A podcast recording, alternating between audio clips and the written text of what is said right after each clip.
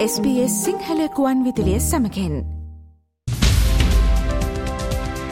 මවබිමින් පුවත් ඔස්ට්‍රේලියාවේ අද උදැස්ස නවද විට ශ්‍ර ලංකාවෙන් වාර්තාාවන ප්‍රධානතම පුවත් කිහිපය මෙන්න. අද නොවම්බර් මාස තුන්වෙනිද ඒ දිනේ ශ්‍රී ලංකාවේ සිදුවම්ද සවධානයොම කරමින් අපි සූදානම් අදත් මෞබිමෙන් පුවත් විශේෂංගය ආරම්භ කරන්න. පෞගිය දිනවල පාස්කු ප්‍රහාරයට අදාළව යම්මාකාරයෙන් ඇගිල්ල දිගුණු පාර්ශව කිහිපයකට අධිකරණයෙන් නියෝග කලා මේ හානියට පත් වූ එමනතම අගතියට පත් වුණු පාර්ශව වෙනුවෙන් වන්දි ගෙවන්න කියලා. කොමුණත් මීට අදාළව ගොුණු කෙරුණු මූලික අයිතිවාසිකම් පෙත් සම්වලට අනුව වන්දි සම්පූර්ණයෙන්ම ගෙවන්න බැහැ කියලා සඳහන් කරපු සම්පූර්ණ වන්දි මුදල නොගෙවූ මෛත්‍රපාල සිරිසේන හිටපු ජනාධිපතිවරයාට හේමසිරි ප්‍රනාන්දු හිටපු ආරක්ෂක ලේකම්වරයාට පූජිත් ජයසුන්දර හිටපු පොලිස්පතිවරයාට ඒත් එක්කම නිලන්ත ජයවර්ධන රාජ්‍ය බුද්ධි සේවයේ හිටපු ප්‍රධානී මේ අයගේ වත්කම් බැරකම් දිවුරුම් ප්‍රකාශයක් මාර්ගයෙන් අධිකරණට ඉදිරිපත් කරන්න කියලා ශ්‍රේෂ්ඨාධිකරණ ඊයේ දවසේ නියෝග කරා දෙසැම්බර් 30 වෙනිදාට කලින් මේ දිවරුම් ප්‍රකාශ ඉදිරිපත් කරන්නත් කියලා කිව්වා පාස්කු ප්‍රහාරයට අදාළව ගොුණු කෙරුණු මූලික අයිතිවාසිකම් පෙත්සම් කඳවපු අවස්ථාවේ තමයි ඊයේ දිනේ අධිකරණය මේ නියෝගය නිකුත් කරන්න කටයුතු කළේ. නාමල් රාජපක්ෂ හිටපු අමාත්‍යවරයා මන්ත්‍රීවරයෙක් විදිහට කටයුතු කරලා අයථා විදිහට උපයාගත්තු රුපියල් මිලියන 30ක මුදලක් ගවස් කෝපරේට් සමාගමේ යෙදවීම නිසා මුදල් විශුද්ධිකරණය වැළැක්වීම පනත යටතේ වරදක් සිදු කරා කියලා චෝදනා කරමින් නීතිපතිවරයා පහුගිය ආණ්ඩුව කාලේ නඩු ගොනු කරලා තිබුණා. ඉතින් මේ නඩු අද දවසේ විත්තියේ සාක්ෂි කැඳවීමකින් තොරව විත්තිකරුවන් නිදොස් කොට නිදහස් කරන්න කියලා ඔවුන්ගේ නීතිඥවරු කරපු ඉල්ලීම පිළි අරගෙන කොළඹ මහාධිකරණ විනිසුරුවරයා මෙහෙම නියෝගයක් ලබා දුන්නා. දුන්නේ අනුව ඔවුන් නිදොස් කොට නිදහස් කරා. නාමල් රාජපක්ෂ මන්ත්‍රීවරයා ඇතුළු විත්තිකරුවන් විත්තිය සාක්ෂි කැඳවීමකින් තොරව තමයි මේ නියෝගය ලබා දීලා ඔවුන්ව නිදහස් කිරීම අධිකරණය සිද්ධ කරේ. තීරණය ප්‍රකාශයට පත් කරනකොට මාධිකරණ මිනිසුරුවරයා කිව්වේ මේ නඩු විභාගයේදී පැමිණිල්ලේ සාක්ෂිකරුවන් ඉදිරිපත් කරපු සාක්ෂි විශ්වසනීයත්වයෙන් තොරයි කියලා. ඉතින් ඒ අනුව නාබල් රාජපක්ෂ හිටපු අමාත්‍යවරයා මේ නඩුවෙන් නිදොස්කොට නිදහස් කරන්න කොළඹ මහාධිකරණය තීරණය කරලා තිබුණා. ආයමත් බදු වැඩිකිරීමක් පිළිබඳව අහන්න ලැබෙනවා. එකතු කළ අගේ මත බද්ද එම නැත්නම් වැට් බද්ද ලබන ජනවාරි පළවෙනි ඉඳලා ක්‍රියාත්මක වන පරිදි 18 දක්වා වැඩි කරන්න කටයුතු කරනවා කියලා වාර්තා වුණා. මේ සම්බන්ධයෙන් විවිධ පාර්ශව අදහස් පළ කළා. ආර්ථික විශ්ලේෂකයනොත් සඳහන් කරලා තිබුණා මේ වැට් වැඩිවීම හරහා උද්දමන ඉහළ යන්න ඉඩක් තිබෙනවා කියලා.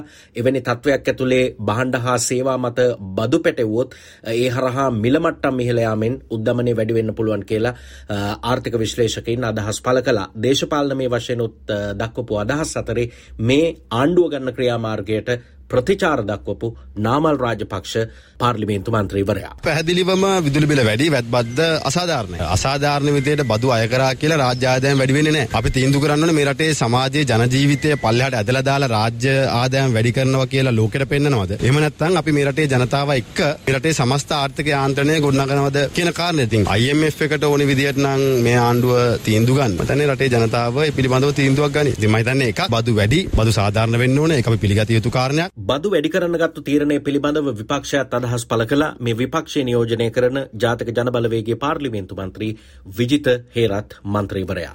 දෙදස් විසිතුන අවුරුද්ධ පරිසර හිතකාමී නීල හරිත ඩිජිටල් ආර්ථිකයක් හදනවා කියලා කිව්ව. අන්තිමට වෙච්ච දේ තමයි තුන් වතාවක් ලයිට් බිල වැඩි වුණා. 100%කින් විදුලි සැර වැදුණා. විදුලි බිල වැඩි කරන්න බලපාපු හේතුව ජාත්‍යන්තර මූල්‍ය අරමුදල රුපියල් බිලියන 30ක් අමතරව හොයාගන්න කියපු එක. අග්නික ආසියාවේ නිවාසවලට විදුලි වැඩි කිරීම ගත්තොත් සිංගප්පූරුව පිලිපීනේ ඊළඟට ඉන්නේ අපි ලංකාව. ව්‍යාපාර මත විදුලි බිල වැඩි කිරීම ගත්තොත් ලංකාවේ තමයි වැඩිම විදුලි බිලක් අග්නිදිග ආසියාවේ ලංකාවේ අය කරන රට. ඩිජිටල් ආර්ථිකය කෙසේ වෙතත් නීල ආර්ථිකය කෙසේ වෙතත් ජනතාව නිල් වෙන්න විදුලි බිල වැඩි කරලා තියෙනවා. ආගමික උත්සවයකට සහභාගී වීමේ බලාපොරොත්තුවෙන් ශ්‍රී ලංකාවට ආපු ඉන්දියාවේ විදේශ කටයුතු අමාත්‍යවරිය නිර්මලා සීතාරාමන් මහත්මිය මහනුවරට ගිහිල්ලා දළදා සමිඳුන් ඊයේ දවසේ වැඳ පුදාගෙන තිබුණා.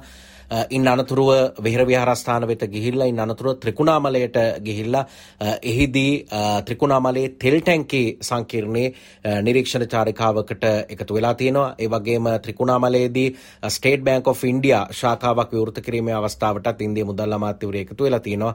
ඉන් පසුව රනිල් වික්‍රමසිංහ ජනාධිපතිවරයා සමග සාකච්ඡා කරද්දී බුදුදහම ආශ්‍රිත ප්‍රවර්ධන ක්‍රියාකාරකම් පිළිබඳව අවධානය යොමු කරලා තියෙනවා. ඒ අනුව ආගමික උත්සවයක් සඳහා ලංකාවට ආපු ඉන්දිය මුදල් අමාත්‍යවරය මේ වෙනකොට ශ්‍රී ලංකාවේ දේශපාලනයේ ප්‍රබල සාමාජිකයන් කීප දෙනෙකු සමගත් හමු වෙලා සාකච්ඡා පවත්වලා තිබෙනවා. නැවතත් වැඩවර්ජන වෘත්තිය සමිති ක්‍රියාමාර්ග පිළිබඳව අහන්න ලැබෙන කාලසීමාවක් පටන්ගෙන තිබෙනවා. දැන් ඊය දවස විශ්වවිද්‍යාල ආචාර්යවරුන් සියලු විශ්වවිද්‍යාලවල රාජකාරීවල නිවත් වෙලා වැඩවර්ජනයක් ආරම්භ කරා. ඔවුන් කිව්වේ ඒ වැඩවර්ජන ක්‍රියාමාර්ගයට ආණ්ඩුව දක්වන ප්‍රතිචාරය අනුව වර්ජනයේ ඉදිරිය තීරණය කරනවා කියලා මේ ඒ පිළිබඳව අදහස් දක්වපු විශ්වවිද්‍යාලයේ ආචාර්ය සමිති සම්මේලනයේ මාධ්‍ය ප්‍රකාශක චාරුදත්ත ඉලංගසිංහ ජේෂ්ඨ කතිකාචාර්යවරයා මං හිතන්නේ මේ රටේ මහජනතාව දන්නවා අපි දැන් වසරක කාලයක් සිට විශ්වවිද්‍යාලයේ තියෙන ගැටලු සාකච්ඡා කර ආණ්ඩුවට පැවසුවා ආණ්ඩුවත් එක්ක සාකච්ඡා කරා නමුත් කිසිම විසඳුමක් මේ වෙනකොට ඇවිල්ලා නැහැ. නමුත් මේ වෙනකොට තියෙන බරපතලම තත්ත්වය තමයි වසරින් වසර උසස් අධ්‍යාපනය සඳහා වෙන් කරන ප්‍රතිපාදන කප්පාදු කරමින් යනවා. නමුත් ශිෂ්‍ය සංඛ්‍යාව වසරින් වසර වැඩි කරමින් යනවා. මේ තත්ත්වය තුළ විශ්වවිද්‍යාල ස්වාභාවික මරණයක් දක්වා තල්ලු කිරීමට මේ ආණ්ඩුව කටයුතු කරමින් ඉන්නවා. ඒකට විරෝධය දක්වමින් විශේෂයෙන්ම බුද්ධිගලනය නැවැත්වීමට කටයුතු නොකිරීම විශ්වවිද්‍යාලවල ප්‍රතිපාදන කප්පාදු කිරීම කියන මේ කරුණු මුල් කරගෙන අද දවසේ වැඩ වර්ජනය ක්‍රියාත්මක කරේ. මේකෙන් අපි ආණ්ඩුවට කියනවා මේ පණිවිඩය ඊටාම බැරෑරුම් ලෙස ගන්න කියලා බලාපොරොත්තු වෙනවා. පළවෙනි වෙඩිමුරේ තියන්න නිදහස් අධ්‍යාපනය සුරැකීම සහ විශ්වවිද්‍යාල අධ්‍යාපනය සුරැකීම කියන කාරණය ඔස්සේ විශ්වවිද්‍යාල ආචාර්ය සමිති සම්මේලනය මේ වෙනකොට සැලසුම් කරමින් යන ඉදිරි ක්‍රියාමාර්ග පිළිබඳව කටයුතු කරන්න දැවැන්ත ජනපෞරක් ගොඩනැගීම නැවතත් ලබන සඳුදාදිනේ ශ්‍රී ලංකය පුවත් විමසුම තුළින් හමුවන බලාපොරොත්තුවෙන් සමුගන්නවා මම ශ්‍රී ලංකාවේ සිට මනෝජ් උදටියාවල. මව්බිමෙන් පුවත්. ශ්‍ර ලංකාවෙන් වාර්තාාවන ප්‍රධානතම පුවත් කිහිපය SBS සිංහල සේවෙන්.